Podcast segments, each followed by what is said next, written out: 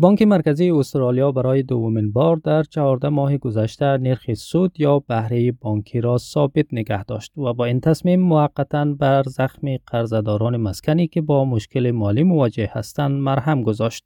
بانک مرکزی از این مکث استفاده خواهد کرد تا بررسی کند که آیا مصارف مردم به اندازه کافی کاهش یافته است تا تورم را مهار کند یا خیر. در عین حال مردمی که در بیشتر از یک سال گذشته زیر بار فشار گرانی و افزایش پی در پی نرخ سود قرار گرفتهاند سعی می‌کنند از خریداری اجناس غیر ضروری خودداری کنند یک استرالیایی به این باور است که نرخ سود به زودی بسیار بلندتر خواهد رفت و مشکلات بیشتری به بار خواهد آورد او می‌گوید که مردم در حال حاضر بیشتر مواظب مصارفشان هستند و خودش نگران دخترش و بلند رفتن اقساط قرضه مسکن است. و دیگری شکایت دارد که وقتی قسط قرضه مسکن از حسابش بیرون می شود می رود و بانک را می بیند و با خود فکر می کند که اینجا دیگر چه اتفاقی افتاده است به نظر او در شرایط فعلی هر 100 یا 200 دلار می تواند تفاوت زیادی در زندگی ایجاد کند They're still going to go up really high soon, which is um, causing, yeah, a few issues. I think that people are being more careful, and um, yeah, I do worry about my daughter and extra mortgage payments. Then when the mortgage comes out, that uh, you look at the the bank account and you go, oh, what happened there? So, and every every hundred dollars, two hundred dollars makes a difference.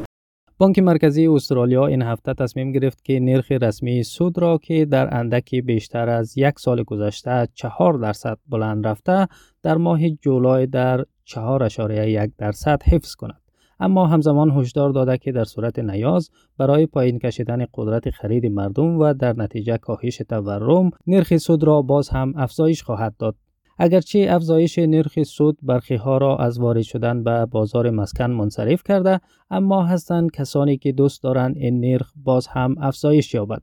مانند این دو نفر که یکی قصد دارد در آینده نزدیک وارد بازار مسکن شود اما به دلیل افزایش نرخ سود بسیار نگران است ولی دیگری که همین اکنون دنبال خریدن خانه است امیدوار است که نرخ سود باز هم بالاتر برود تا شاید قیمت مسکن اندکی پایین بیاید. Do you plan on buying a home anytime soon? Yeah, in near future, but due to the interest rate inflation, yeah, I'm quite concerned. I'm looking to buy, so like selfishly, I'm hoping that they keep going up so that property prices might come down a little bit. میزان تورم در استرالیا در حال حاضر 5.6 درصد است که پایین ترین سطح در طول سال گذشته می باشد. ولی هنوز بسیار بلندتر از محدوده هدف دو تا 3 درصدی بانک مرکزی قرار دارد. اقتصاددانان می‌گویند که این مکس در افزایش نرخ سود به بانک مرکزی فرصت می دهد که کارکرد سیاست پولی خود را ارزیابی کند.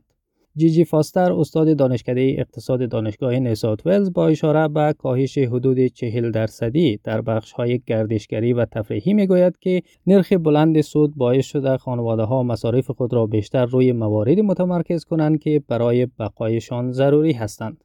خانم فاستر با اشاره به تعطیلات مکتب می‌گوید که معمولا در این گونه زمان ها مصارف خانواده ها در بخش گردشگری و تفریحی بالا می رود. اما خانواده ها با نگاه آینده نگر به افزایش احتمالی نرخ سود سعی می کنند جبهایشان را محکم تر ببندند. Just in the last couple of months, in certain categories, we've seen a decline, for example, in tourism and recreation and stuff. That decline has been 40% ish. That does signal that consumers are feeling the pinch in terms of the kinds of things that really keep their families running. And right now we're in school holidays. This is when you'd expect a bit of a takeoff in expenditure, but I think families looking at the, the coming increases in the mortgage rate, you know, that they're, they're going to have to pay back, they're probably going to be a little more uh, tight in their wallets. در حالی که بسیاری از خانواده ها با محدودیت مالی روبرو هستند به دلیل اشتغال بالا و قیمت های بالای اجناس بودجه فدرال شاهد مازاد غیرمنتظره 19 میلیارد دلاری است پیتر داتون رهبر اپوزیسیون فدرال می‌گوید که این پول اضافی باید برای پایین آوردن قیمت انرژی و هزینه یک پیاله قهوه استفاده شود. If the prices here uh, where the coffee beans are being roasted and distributed out to retailers continue to go through the roof. Well, of course, the price goes up. That's passed on because of the energy costs, and ultimately, that's what fuels inflation. And it's what is happening at the moment when Australians are going to the supermarket. They're getting less for every dollar they spend. اما نخست وزیر آنتونی البانیزی به شبکه ABC گفته است که صرفه‌جویی در مازاد بودجه به نفع مردم است. او گفته است که ما باید درک کنیم که اگر حکومت هر طرف پول پخش کند بر تورم فشار رو به بالا وارد می شود که در جهت برعکس سیاست بانک مرکزی کار خواهد کرد در حالی که سیاست پولی بانک مرکزی و سیاست مالی حکومت باید هر دو در راستای برآورده شدن یک هدف عمل کنند.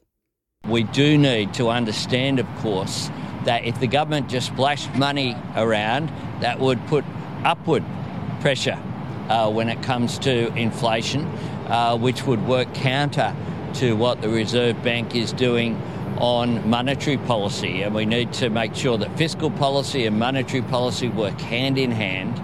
And that's why uh, we have banked most of the savings uh, from the, the surplus.